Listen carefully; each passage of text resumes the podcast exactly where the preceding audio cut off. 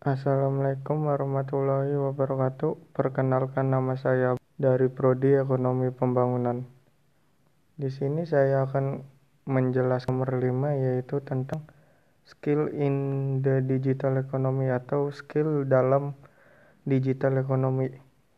Yang pertama beri penjelasan gambar 5 di samping ini. Menurut saya dua gambar di sini yaitu adalah perbandingan antara skill yang umum dengan skill yang spesial gitu. Yang sebelah kanan adalah skill yang umum yaitu bisa mengakses software ataupun bisa menggunakan software dan bisa mencari informasi secara online. Mungkin ini termasuk dalam skill yang banyak didapatkan dari orang lain gitu, nggak terlalu spesial dan bisa dimiliki banyak orang.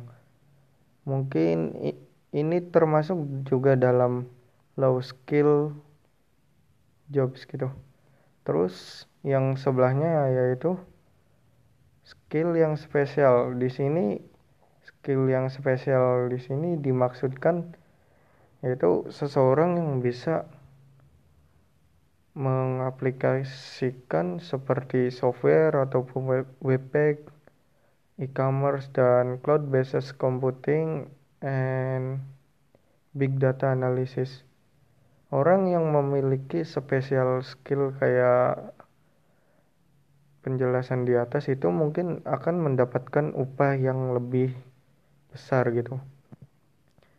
Terus skill apa saja yang harus kamu kuasai di era ekonomi digital? Ini yang pertama yaitu menurut saya yang pertama adalah motivasi. Motivasi di sini yaitu memiliki dorongan dan keinginan yang kuat dalam mencapai tujuan bisnis dan organisasi dengan mengupayakan sekuat tenaga menghasilkan kinerja yang tinggi. Dan yang kedua yaitu komunikasi atau public speaking. Bisnis yang sukses itu ketika terjalinnya komunikasi dan koordinasi yang baik, sehingga akan terbangun tim yang solid dan mampu bekerja sama meraih prestasi. Dengan komunikasi yang baik, segala kendala dan masalah bisnis juga akan lebih mudah diselesaikan. Dan yang paling utama adalah membangun komunikasi yang erat kaitannya dengan pemasaran. Tiga, pengendalian emosi atau sering juga disebut sosialisasi emosi.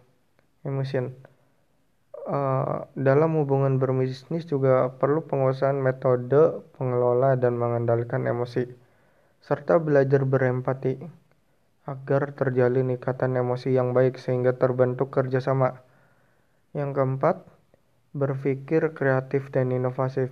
Inovatif. Di sini memiliki kemampuan berpikir cepat, kreatif, dan inovatif akan lebih mudah dalam menghadapi dan mengendalikan perubahan bisnis. Dan yang kelima ada integritas, selalu memegang teguh norma dan etika bisnis untuk keberlangsungan jangka panjang. Mungkin itu yang bisa disampaikan. Terus, apa yang dimaksud social and emotional skill? Mengapa skill ini penting? Berikan contoh implementasinya dalam kehidupan sehari-hari. Sosial emosional atau yang bisa disebut juga perkembangan emosional sosial adalah domain spesifik dari perkembangan setiap anak. Ini adalah proses bertahap integritas di mana anak-anak memperoleh kapasitas untuk memahami, mengalami, mengekspresikan dan mengolah emosi dan mengembangkan hubungan yang bermakna dengan orang lain. Social and emotional learning itu dibagi menjadi lima yaitu relationship skill, social awareness, self management, self awareness dan responsible decisioning making. Uh, kurang lebihnya mungkin dari saya segitu. Kurang lebihnya mohon maaf. Wassalamualaikum warahmatullahi wabarakatuh.